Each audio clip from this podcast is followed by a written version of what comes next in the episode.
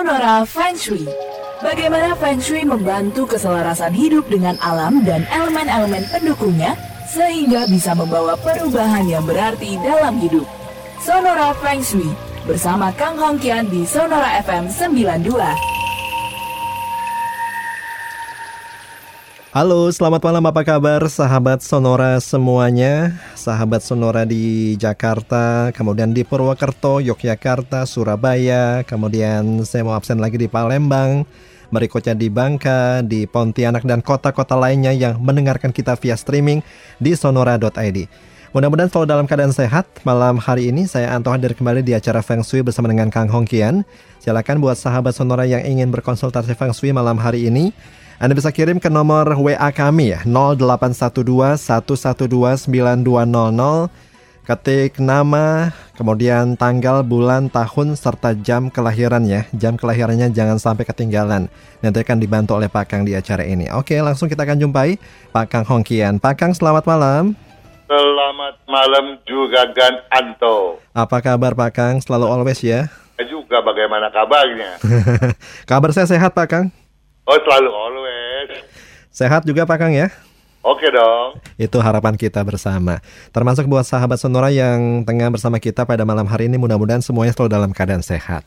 Pak Kang, sebelum kita meneruskan pertanyaan dari sahabat Sonora, saya mau bertanya sedikit seputar Feng Shui Pak Kang. Apa tuh? Ini di tengah pandemi COVID-19 banyak orang yang punya hobi miara ikan Pak Kang. Iya. Nah, kalau piara ikan kan pasti ada akuariumnya ya.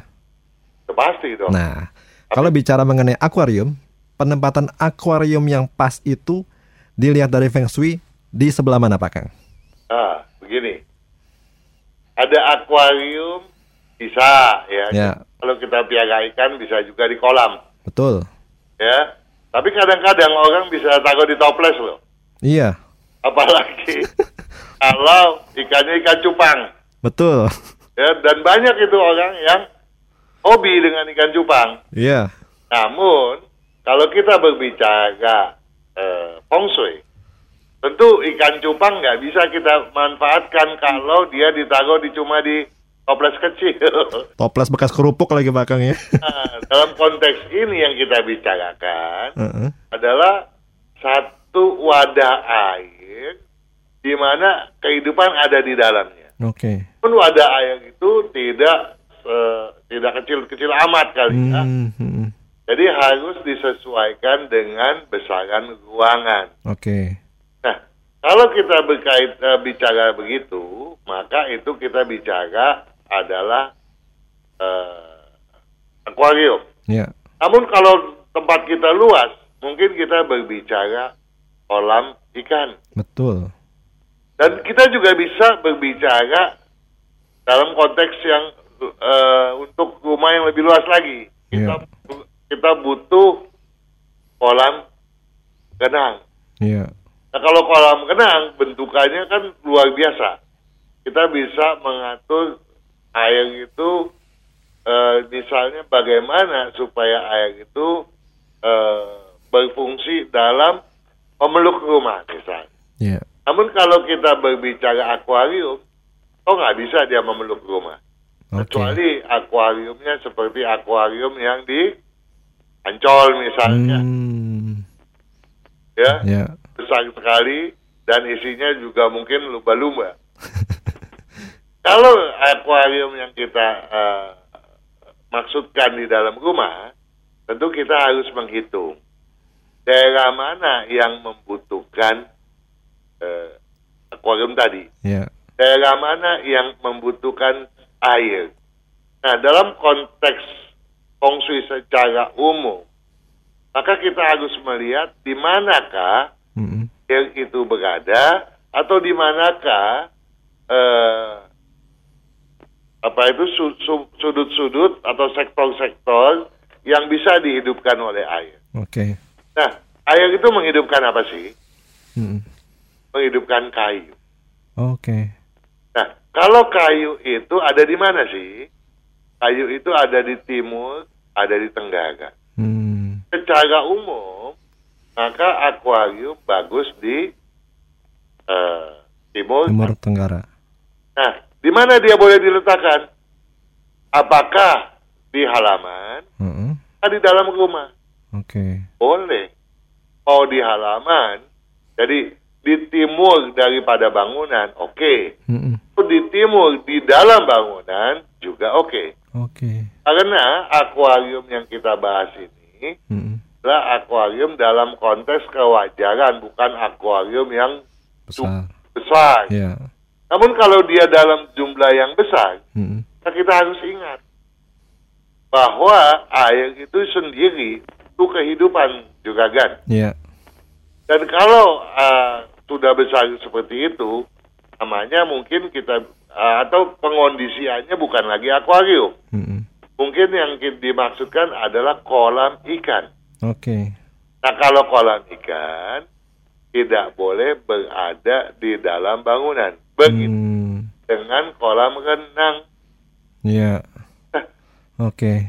Atau sebagaimana kalau kita mau taruh di dalam bangunan, toh Hmm. ada orang yang bikin kolam ikan, kolam Renang di dalam bangunan Pak Kang ya. Ada, Heeh, kayak ada di tengah-tengah perbatasan antara ruang tamu dan ruang keluarga tuh ada tuh Pak ada. Mm-mm. Nah, sekarang yang yang di mana? Kan kita tadi bilang harusnya ada di timur atau ada di tenggara. Iya. Oke, kita bikin di timur dan tenggara. Tetapi haruslah memiliki eh, bidang yang terbuka di atas. Hmm. Karena air itu toh tidak mati, air itu Iya. akan menguap. Mm-mm. Dan uap-uap air itu haruslah bisa melayang ke alam bebas. Wow. Maka daripada itu, Mm-mm. banyak orang suka teriak, Anto, di rumah saya ada hantu. Pak Anto ada kenalan nggak yang bisa ngusir hantu? Padahal ternyata itu bayangan air. Bayangan air. Nah itu bisa terjadi kenapa? Seringkali sumur tua yang sudah ditutup. Ah, iya iya iya. Kalau sumber air gitu kita nggak boleh tutup. Begitu. Betul. Kan kolam kita nggak boleh tutup. Iya. Nah di samping itu kolam sebaiknya tidak kita letakkan di tengah-tengah rumah. Hmm. Jadi Iya. tentang kalau air itu berada di sentral rumah. Kenapa? Oh, Oke. Kenapa juga kan? Karena sentral rumah itu Mm-mm. unsur tanah. Iya. Memang tanah eh, memiliki kemampuan untuk mengendalikan air. Iya. Tapi kalau rumah itu terbatas jumlahnya dan penataannya keliru, Betul. maka air yang sangat besar, Heeh. kolam yang besar, itu bisa mengganggu tanah. Oke. Coba bayangkan kalau tanah di perbukitan Hmm. diserang hujan habis-habisan, Betul. maka Longsor ya. longsor Mm-mm. tanah yang tadinya bisa mengikat air, akhirnya dihancurkan oleh Iya. air. Oke. Ya, jadi hal-hal semacam itu harus dipahami. Baik. Jadi kesimpulannya sebaiknya kolam Mm-mm. berada di timur atau tenggara, Iya. baik di halaman ataupun di dalam. Mm-mm. Tetapi kalau itu adalah eh, akuarium, Mm-mm. di atasnya boleh merupakan area yang tertutup. Oke. Kalau dia itu kolam, apakah kolam ikan atau Mm-mm. lagi kolam renang, maka bagian atasnya tidak boleh merupakan atap yang tertutup masif. Dia Mm. harus terbuka agar udara dapat mengalir bebas ke alam bebas. Oke. Karena nih selama pandemi banyak orang yang punya hobi baru. Salah satunya adalah melihara ikan ya Pak Kang. Cuma harus diperhatikan juga tata letaknya. Iya, bahkan eh, ada orang juga ada yang eh, meletakkan eh, akuarium di kamar tidur tuh. Iya. Karena kan Oh kan keliru, menurut betul. menurut kesehatan nggak bagus loh. Heeh. Ya Karena bisa mengganggu paru-paru itu. karena ada yang bentuknya kayak tabung gitu Pak Kang ya. Heeh. Dan ada lampunya juga kayak jadi fungsinya ada dua akuarium sekaligus lampu kamar Pak Kang. Ya kalau saya kalau buat di kamar, Heeh. saya mungkin lebih memilih itu ada pajangan air terjun. ya. Bisa kita eh, eh, hidupkan dia Heeh. menyala air terjunnya seolah-olah eh, jatuh gitu ya. Heeh. Dan kemudian ada suaranya kemericiknya. Wah, mantap itu. Tidurnya makin nyenyak ya. Betul. Oke, kita break dulu Pak Kang ya. Tetap bersama kami di acara Feng Shui bersama dengan Kang Hongkian. Stay tuned in Sonora, a part of Kompas Gramedia Radio Network. Selamat malam dan salam hangat bagi sahabat sonora yang baru saja gabung di acara Feng Shui bersama dengan Kang Hongkian pada malam hari ini. Konsultasinya bisa Anda sampaikan via WA ya.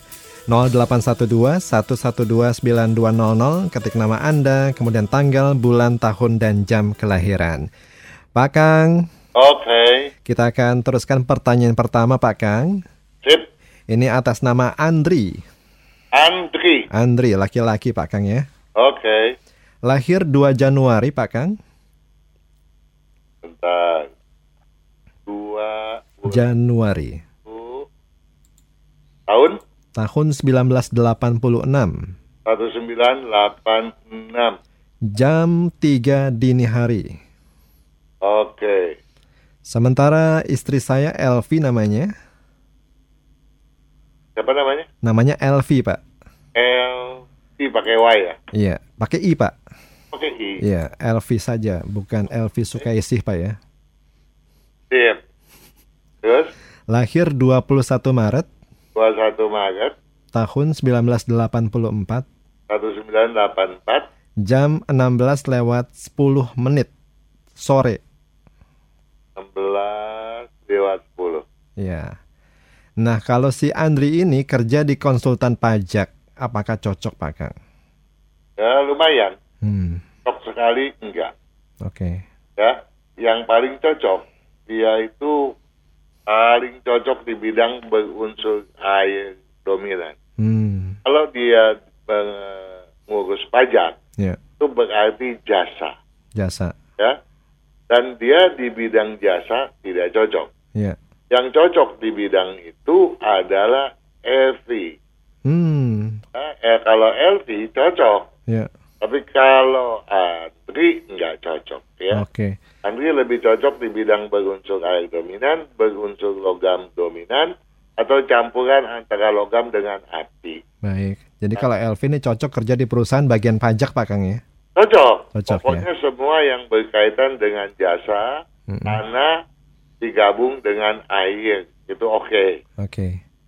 Kalau untuk rumah Pak Kang yang cocok menghadap ke arah mana? Karena saya punya kafling tanah menghadap ke arah timur, cocok atau tidak? Oke. Oke dong. Oke ya. Oke dong. Oke, kemudian kalau kesehatan masing-masing Pak Kang yang harus diperhatikan apa kesehatannya? Eh, kalau Andri harus jaga tulang, hindari makan eh, daging yang banyak, Mm-mm. dan dia hobinya makan asin, tolong dikurangi. Sedangkan LV itu eh, asemnya luar biasa, tuh. Ya, ya suka sekali. oke. Tapi karena lambungnya nggak bagus, Heeh, ini bisa bermasalah nanti. Oke. Ah, lambung ya dan juga nanti bisa mengganggu ke jantung Iya. tolong dijaga hal-hal semacam itu Oke, asin dan asam tapi ya. juga jangan maksa untuk begadang atau kurang tidur Hmm. Jadi harus dikurangi ya kebiasaan buruk itu ya. oke Berikutnya ada Ibu Titi Sumarni Pak Kang. ibu Titi Titi Sumarni. Sumagi oke Lahir 24 Maret 24 Maret tahun 1968. tahun berapa Tahun 1968. 68 ya Ya. oke Jam 1 lewat 30 menit dini hari Pak Kang. jam satu jam satu lewat 30 menit dini hari. 30 menit. Oke. Itu ja- tanggalnya 24 Maret Mm-mm. depan. Ya. Oke. Eh, kesehatan saya gimana Pak Kang? Kesehatan nggak ada masalah serius, tetapi yang penting harus cukup eh, minum Ya.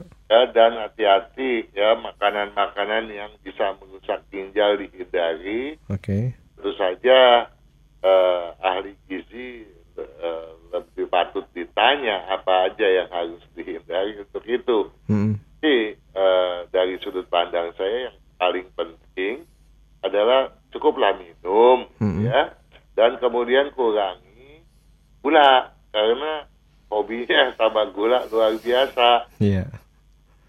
Kalau untuk usaha Pak Kang yang cocok? Apa pun yang penting nggak ada logamnya oke. Yang nggak ada logamnya oke ya usahanya ya. Oke. Oke, nah ini pertanyaan berikutnya nih mungkin agak sulit buat dijawab Pak. Arah rumah saya ke barat daya bagus tidak Pak Kang? Ke barat daya Hmm, kurang bagus. Hmm, Bagus oke. ke selatan atau ke utara. Selatan atau utara? Oke. Misalkan eh, Ibu Titi Sumarni adalah kepala keluarga loh ya. Hmm, hmm, hmm. Oke, karena tidak ada penjelasan lainnya Pak Kang ya. Iya. Baik. Saya beralih ke pertanyaan datang dari pendengar dari kota Pontianak Pak Kang Oke. atas nama Eko Hadi Pradono. Eko. Eko Eko Hadi Pradono. Adi Pradono. Ya. Ya. Lahir 24 April 24 bulan 4 tahun 1983. 1983 Jam 00 lewat 15 menit dini hari. 00 lewat 15 menit. Ya. Oke. Di kalender disebutkan harus benderangkan sebelah timur rumah. Yang ingin saya tanyakan kalau kita sedang menghadap jalan sebelah timur rumah, itu sebelah kanan atau kiri rumah Pak Kang? Gimana gimana? Yang ingin saya tanyakan kalau kita sedang menghadap jalan sebelah timur rumah itu sebelah kanan atau kiri rumah Pak Kang? Nah, jalannya itu eh, rumah itu menghadapnya ke mana? Ya. Jadi sekarang eh, saya harus balik tanya. Dia bilang kalau sedang menghadap rumah, Ya. Berarti dia dari depan melihat ke dalam rumah. Oke. Ya, kalau dia dari depan melihat ke dalam rumah, kedudukan rumah itu atau hadap rumah itu ke mana? Ya. Kalau rumah itu menghadap ke utara, tentu timur kalau kita berada di dalam rumah adalah pada kanan kita. Ya. Tapi di mana utaranya? Hmm. Ya, jadi harus jelas. Dan timur untuk menentukan timur tergantung rumah itu menghadap ke mana. Saya juga nggak ngerti Pak Kang. Ini pertanyaan berikutnya saja Pak Kang ya. Oke, Ini untuk istrinya Pak Kang atas nama Mulyeni Pak Kang. Mulyani, Mulyeni. Lahirnya 16 bulan 1 Pak Kang. tanggal 16, Bulan 1 ya, tahun 1983. 1983, Jam 4 lewat 45 menit dini hari. Tanggal eh, jam 4, Lewat 45 menit dini hari. oke, Apakah cocok bisnis rental mobil atau salon mobil Pak Kang? cocok. Oh. Eh, eh, rental mobil Mm-mm. sama salon mobil, Mm-mm. salon mobil lebih cocok daripada rental mobil. Oke. Cuma yang berbau otomotif nih cocok semua ya buat Ibu Mulyani Pak Kang ya. Jual otomotif nggak cocok, Mm-mm. Eh, kemudian bengkel otomotif nggak cocok. Hmm. Cuci mobil, salon mobil cocok. Oke. Jadi cocoknya paling cocok nih salon mobil ya dibandingkan dengan bisnis rental mobil Pak Kang ya. Oke. Kita break kembali Pak Kang.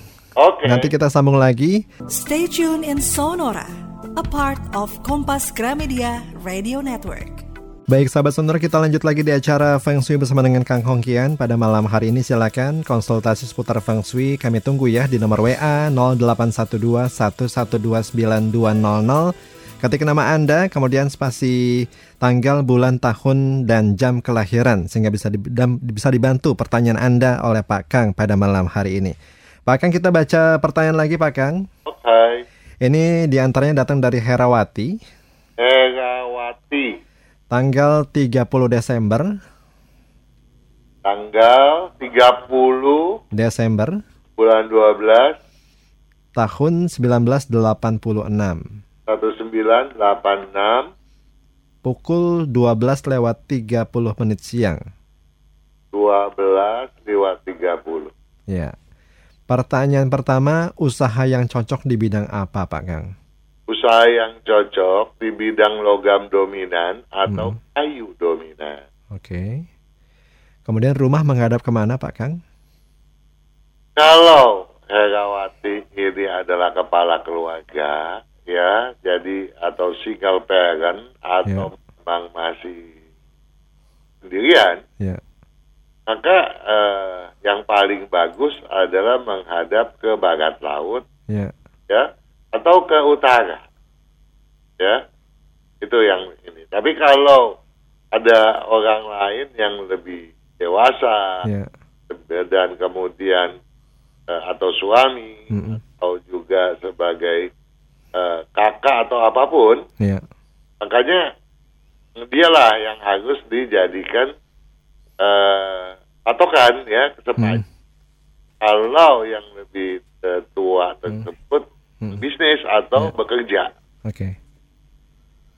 Baik. Sekarang kita terima telepon dulu, Pak Kang. Sudah Oke. tersambung pada malam hari ini. Halo, selamat malam. Halo, selamat malam Pak Kang. Ya, Saya dari Sulawesi. Oke. Selamat saya di Kranji, jelas loh. Ini sabuk. perumahan di Halo namanya, Bekasi Barat Pak Kang. Pelan-pelan, Bu. Namanya siapa? oleh saya Namanya Felicia. selalu feedback ini. Mungkin bisa dimatikan saja, Bu, volume radionya biar tidak feedback. Sudah, Ibu? Udah, udah matikan. Oke, silakan. Namanya siapa? Namanya Felicia Pak Kang. Tuh, kepotong lagi saya. Felicia, Pak Kang namanya. Siapa? Felicia. Felicia. Iya. Ya, Lahir tanggal 11 Desember nggak jelas juga saya. 1963. Tanggal berapa, Ibu? 11 Desember. 11 Desember tahun 1963 ya. Iya. 11 Desember 63 Iya. ya Suami saya namanya Haryanto. Ibu dulu jam berapa, Bu, lahirnya, Bu? Jam 2 jam 12.30 malam. jam 12 30 malam. oh 0030 ya 00.30 ya. ya suami namanya Apa Pak? Nama suami, Bu? Nama suami, Bu? Suaminya Haryanto. Arianto Iya. Lahir tanggal 14 Oktober 14 bulan 10 ya 1957. 1957 Iya, jamnya jam jam 19.30. 1930 Iya. iya Oke. Silakan pertanyaannya, Bu. Eh, cocok nggak Pak Kang buka usaha eh, toko bangunan Pak Kang? toko bangunan Iya. oh eh, toko bangunan itu kan jualannya pasir semen kayu-kayu Iya, dan alat listrik. kenapa Alat-alat listrik, Pak Kang. Kalau alat-alat listriknya lambat perkembangannya, Bu. Tapi kalau jualan kayunya yang paling kenceng, Ibu. Hmm. Pitlek, ya, eh, kaso, galan, Ya. balok-balok, Hmm. kemudian di- pasir semen, itu lakunya lebih kencang. Tapi Oke. kalau alat-alat listrik atau besi-besi, itu lambat berkembangnya. Ya. Apalagi kalau jualan cat, lambat deh. Nah, kecuali kalau eh, ibu ikut campur, ibu ikutan enggak? Gitu ya Pak. Ibu Kalau ikutan ibu bisnis kan- ini gak, Pak? Kalau ibu ikutan, maka alat-alat listrik di tangan ibu dan Ah. cat tentu maju. Karena ibu dan bapak berbeda bidang. Hmm. Oh, gitu ya Pak. Iya, ibu ada bantu bapak enggak? Atau bapak sendiri yang bisnis? Eh, saya sendiri yang bisnis. usaha, Kang. Oh, ibu sendiri yang bisnis. Iya. Nah, kalau ibu cocok di alat-alat listrik, Bu. Oh gitu ya. Iya, cuma Mm-mm. yang penting ibu semangatnya ditingkatkan, Bu. Oh, iya iya Pak.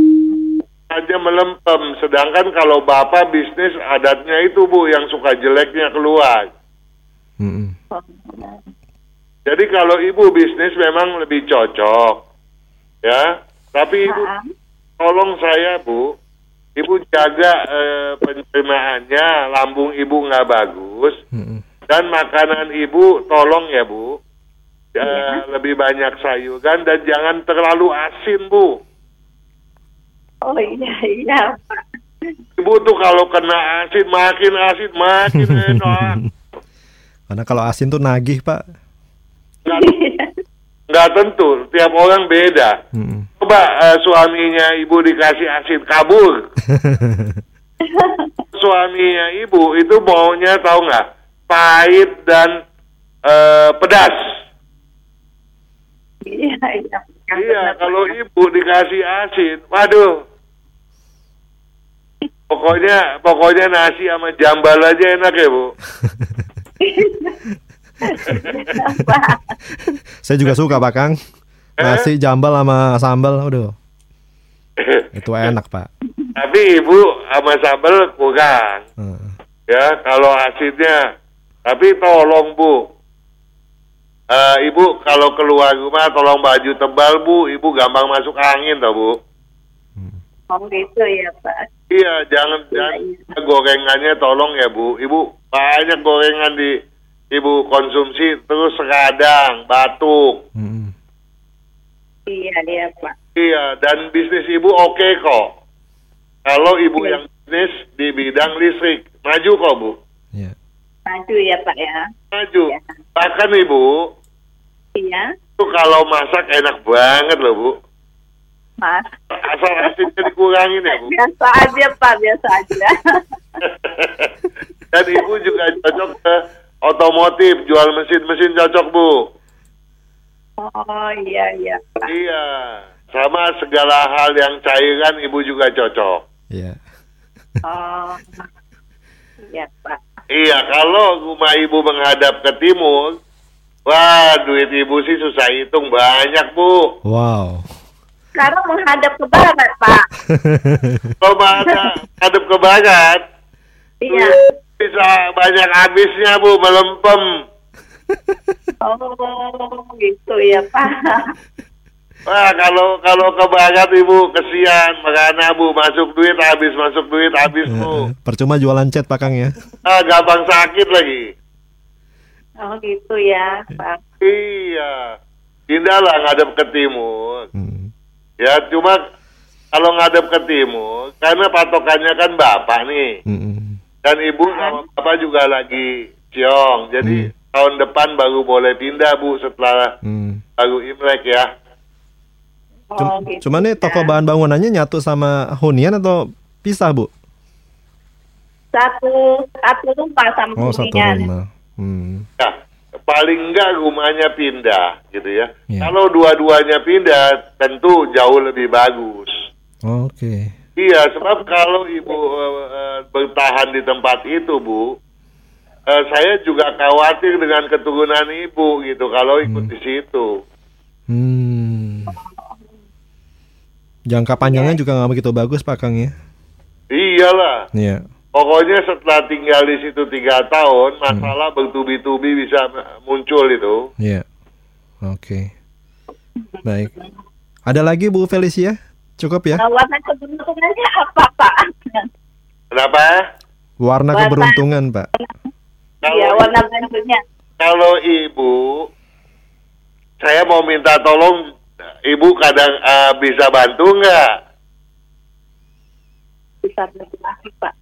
Bisa ya? Soalnya ibu kalau disuruh ganti baju hitamnya tuh sama birunya males ya. Sekarang aja mungkin pakai baju hitam ya bu. Iya. Jadi gimana saya mau minta tolongnya? Tadi dari tadi saya mau bilang Tapi ibu kebangetan sama warna hitam dan biru. Jadi tolong kalau ibu mau beruntung pakai baju warna putih dan merah, Bu. Eh, Oh, putih dan merah. Ya. Iya, iya, Pak. Sedangkan Bapak jangan kasih warna putih, Bu. Dia maunya pakainya putih lagi, putih lagi tuh. Iya, iya, malah kebalikannya. Eh, Kenapa? meja kerjanya hadap di sebelah mana yang bagus, Pak? Kang? Kenapa? Meja, meja ini, meja kerja. Bu, ibu pindah dulu, Bu. Iya. Oh, Hadap timur dulu Pak Kang ya. Kalau di rumah yang sekarang ini, ibu mau putar seperti apa pun, Iya. duit ibu menguap, penyakit banyak, Bu. Hmm. Hmm. Iya, dan eh, ketu- buat keturunan yang tinggal di situ juga bermasalah, Bu. Iya. Oh. Oke. Baik, Jadi cukup ya. hubungannya kurang bagus, Pak Kang. Bukan kurang bagus, Bu, jelek. Oh, jelas. Oke. Iya, iya. Cukup Bu Felicia ya. Iya. Terima kasih Ibu, tetap sehat. Salam buat Ya, keluarga di rumah. Sama-sama. Kita break kembali Pak Kang. Oke. Nanti kita kembali lagi di acara Feng Shui bersama dengan Kang Hongkian. Stay tuned in Sonora, a part of Kompas Gramedia Radio Network. Baik sahabat sonora kita masuk di segmen terakhir acara Feng Shui bersama dengan Kang Hongkian malam hari ini. Pak Kang, saya mau teruskan pertanyaan. Kali Oke. ini datang dari Denis, Denis. laki-laki Pak Kang. Denis, laki-laki, oke. Belakangnya tuh pakai S Pak. YS. Denis. Denis apa Denis? Denis Pak, Denis. S dong belakangnya. Iya, Oke. Denis. Lahir tanggal 13 April 13 bulan 4, tahun 1990. 190, Pukul 13 lewat 30 menit siang hari Pak. 13.30. Lahirnya sesar katanya. Tidak masalah. Lebih cocok menjadi chef atau pastry Pak? Estri, Pastry. Oke. luar biasa. Hmm. Ataupun chef, cocok chef western. Hmm. Hmm. Kalau untuk ke makanan Asia, lemah. Ya. Ya kecuali dia campuran daripada keduanya, masih mengangkat. Oke. Tapi kalau betul-betul profesionalisme mau dijunjung, maka dia lebih cocok ke pastry atau ke eh, chef seba di bidang masakan western. Western ya. Iya. Oke. Tapi dia juga cocok untuk jadi dokter. Oh. Ya, apalagi kalau dia mengambil internis sebagian liver gitu Hmm, ya atau spesialis mata. Ya. Luar biasa bagus dia. Oke. Ya. Kemudian pilihan berikut dia juga cocok untuk ke dokter kandungan Mm-mm. anak atau ke bidang eh, sipil. Hmm. Iya, tetapi kebanyakan itu udah bidang-bidang dari eh, IPA ya. Betul. Iya. Oke. Kalau untuk warna Pak Kang yang baik buat Denis ini?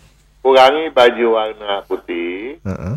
Dan kalau bisa untuk seminimal mungkin setahun ke depan pakai baju warna hijau jangan ganti. Oke. Berikutnya nanti eh, kalau lagi liburan atau Mm-mm. santai, Mm-mm. pakailah baju warna hitam, abu-abu atau biru. Oke. Tetapi kalau di tahun ini tolong jangan me- memulai segala sesuatu yang baru ya. Ya. Tet- apalagi kalau mau berbisnis karena kalau kita bicara eh, sekolah sepertinya eh, bukan usia sekolah tau udah Betul. ya jadi kalau untuk memulai bisnis Mm-mm. sebagai chef misalnya mulailah setelah tahun baru Imlek besok gitu ya Oke. baru em, bisa eh, kepanjangannya menjadi baik Baik. Kalau untuk arah rumah Pak Kang yang sesuai? nah eh, bagusnya menghadap ke barat atau ke selatan Oke. Jadi ke barat atau ke selatan Pak Kang ya? betul Baik. Itu untuk Denis. Berikutnya saya beralih ke Ibu Evi yang tinggal di Tangerang Pak Kang. Ibu Evi tinggal di Tangerang. Mau tanya tentang anak perempuan saya.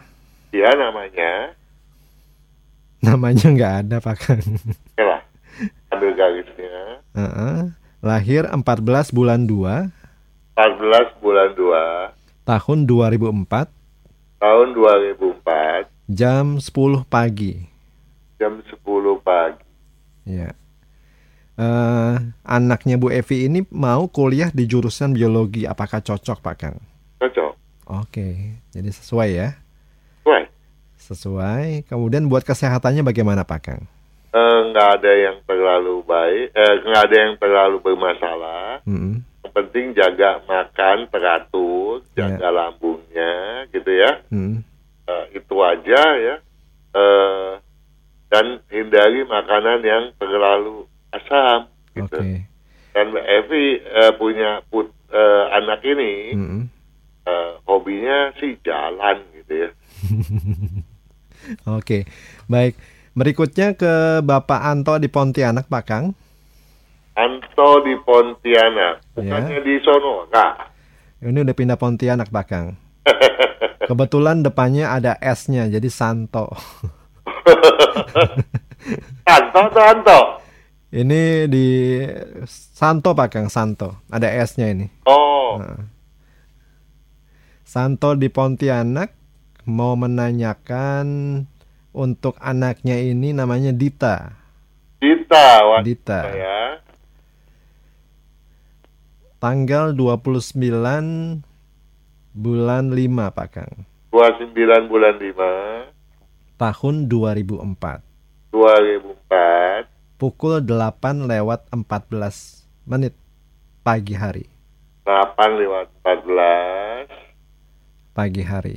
Oke. Kemudian anak kedua namanya Dani. Dani, Dani 6 Oktober tanggal 6 bulan 10, tahun 2005. 2005. Jam 8 lewat 15 menit pagi. Oke. Nah, mau menanyakan eh, pertanyaannya mengenai warna dan unsur Pak Kang. Warna dan unsur. Kalau Dita itu lahir sebagai sio monyet yang berunsur kayu. Ya, Itu juga dengan Denny, sio ayam yang juga berunsur kayu. oke. Ya. Namun bagi Dita yang dominan sebetulnya bukan unsur kayu, melainkan logam. Oke. Dan bagi Denny, unsur kayu dengan logamnya berimbang. Ya, Nah, ini mengindikasikan bahwa kedua anak ini punya kemampuan bergaul yang baik. supel ya. Supel artinya apa? Ke depan untuk berbisnis juga tidak akan ada banyak masalah. Ya. Ya, apalagi dengan Denny, ya. Eh, hanya saja Denny ini eh, yang jadi handicapnya adalah eh, sering kali kehilangan semangat. Ya. Oleh sebab itu, untuk Denny ini, saya minta tolong sering dikasih baju warna merah. Oke. Ya, karena Denny laki-laki, sering kali dikasih warna merah kan jadi khawatir ya. Betul. Suka kayak sepertinya nggak nggak nggak ngepas gitu. Mm-mm. Nah, mungkin saja kita bisa bantu dengan meletakkan banyak ornamen merah di ruang belajarnya atau di kamar tidurnya. Hmm, Ya, cuma sayangnya kalau di kamar tidur kan takutnya menjadi sulit buat dia tidur nanti. betul. Bisa di ruang belajar gitu ya. Kalau Eh, untuk studi memang- Pak, studi Kenapa? usaha, Eh, kalau kedua-duanya saya minta untuk mengurangi warna putih. Dan Mm-mm. kita tolong sering pakai baju banyak warna hitam, biru, dan abu-abu. ya. Nah, kalau untuk Dita, yang cocok kalau sekolahnya di bidang kedokteran, Mm-mm. ini sama seperti yang tadi nih, yang saya bacakan tadi untuk jadi dokter gitu Dennis ya. ya. Usianya udah udah keliwat usia sekolah. Mm. ya. Iya. Jadi ini untuk dokter ini paling bagus kalau dokter kebidanan dua-duanya cocok loh Oke. Untuk jadi dokter ginekolog. ya. Nah, kalau eh, pilihan lain eh, untuk eh, Dina bisa ke food of science, food, Hmm. ya, ke pastry. Kalau ke Denny bisa ke IT begitu, Iya. atau ke apoteker, Oke. atau ke teknik sipil. Ya. Oke. Termasuk pertanyaan Dani Pak, eh, kalau seandainya udah berkeluarga, cocoknya rumah menghadap ke arah mana Pak? Denny, Heeh. Denny cocoknya menghadap ke utara atau ke barat. Oke. Jadi cocok menghadap utara atau ke arah barat Pak ya? Betul. Oke, semoga bisa membantu ya buat Bapak Santo yang tinggal di Pontianak. Pak Kang, waktu kita hampir habis Pak Kang pada malam hari ini. Ada pesan-pesan buat sahabat Sonora? Kenapa ya? eh sebetulnya mau pesen itu martabak telur, tapi kejauhan, apalagi kalau kepada Pak Santo yang di Pontianak. Yang jelas kita pesan supaya semuanya dalam keadaan sehat saja Pak Kang ya. Betul lah. Ya. Kita selalu berharap sahabat Sonora di mana pun berada dapat memetik manfaat dari acara kita. Walaupun eh, pertanyaannya belum dibacakan, mudah-mudahan pertanyaan dari sahabat Sonora yang lain bisa mewakili pertanyaan mereka juga gitu ya. Betul. Sehingga walaupun pertanyaannya belum dibahas, mudah-mudahan sudah terjawab. Seperti juga misalnya kalau bertanya masalah mengenai akuarium. Toh Iya. tadi sudah kita bahas. Betul. Mengenai tusuk sate juga sudah pernah kita bahas. Setuju. Nah, oleh sebab itu, apabila memang orientasinya ke bidang bisnis, Ya. maka selain apa yang telah kita sampaikan, saya berharap apa yang kita juga sampaikan pada setiap bulan, Ya. ya, mengenai ramalan eh, dinamika eh, bisnis dan ramalan 12 show bisa selalu disimak secara rutin. Oh, selalu saya sajikan pada videonya. Betul. Kenapa kita tidak bahas di acara ini? Karena untuk pembahasan bulanan itu eh, bisa eh, apa itu dia punya kebutuhan waktunya bisa di atas satu jam. Iya. Nanti eh, pertanyaan nggak ada yang bisa terjawab lagi. Betul. Jadi Tapi walau bagaimanapun, tentunya kita berharap semuanya ini toh demi kepentingan dan kesuksesan sahabat Sonora. betul sekali. Silakan bisa cek di eh, YouTube-nya Pak Kang ya. Itu ada Nah. berbagai hal yang juga bisa dibahas di sana. Kalau kalau eh, agak bingung, Mm-mm. bisa melihat eh, penyimak buku yang saya tulis atau Ya. setidaknya ada pembahasan tahunannya di eh, channelnya Sonora. Betul. Ya 12 show ada di sana. Ya. Mm-mm. Oke, jadi teman-teman juga bisa melihat di channel YouTube-nya Sonora FM 92. Gitu Pak Kang ya. Betul sekali. Baik, Pak Kang terima kasih banyak. Mudah-mudahan apa yang kita bicarakan malam hari ini bisa bermanfaat buat sahabat Sonora semuanya. Tetap sehat Pak Kang, salam buat keluarga di rumah. Sama juga Gan Anto, salam buat sahabat semua di sana dan sahabat Sonora di mana pun berada. Sukses selalu dan selamat malam. Selamat malam, kita akan ketemu lagi di acara yang sama pada hari Jumat yang akan datang.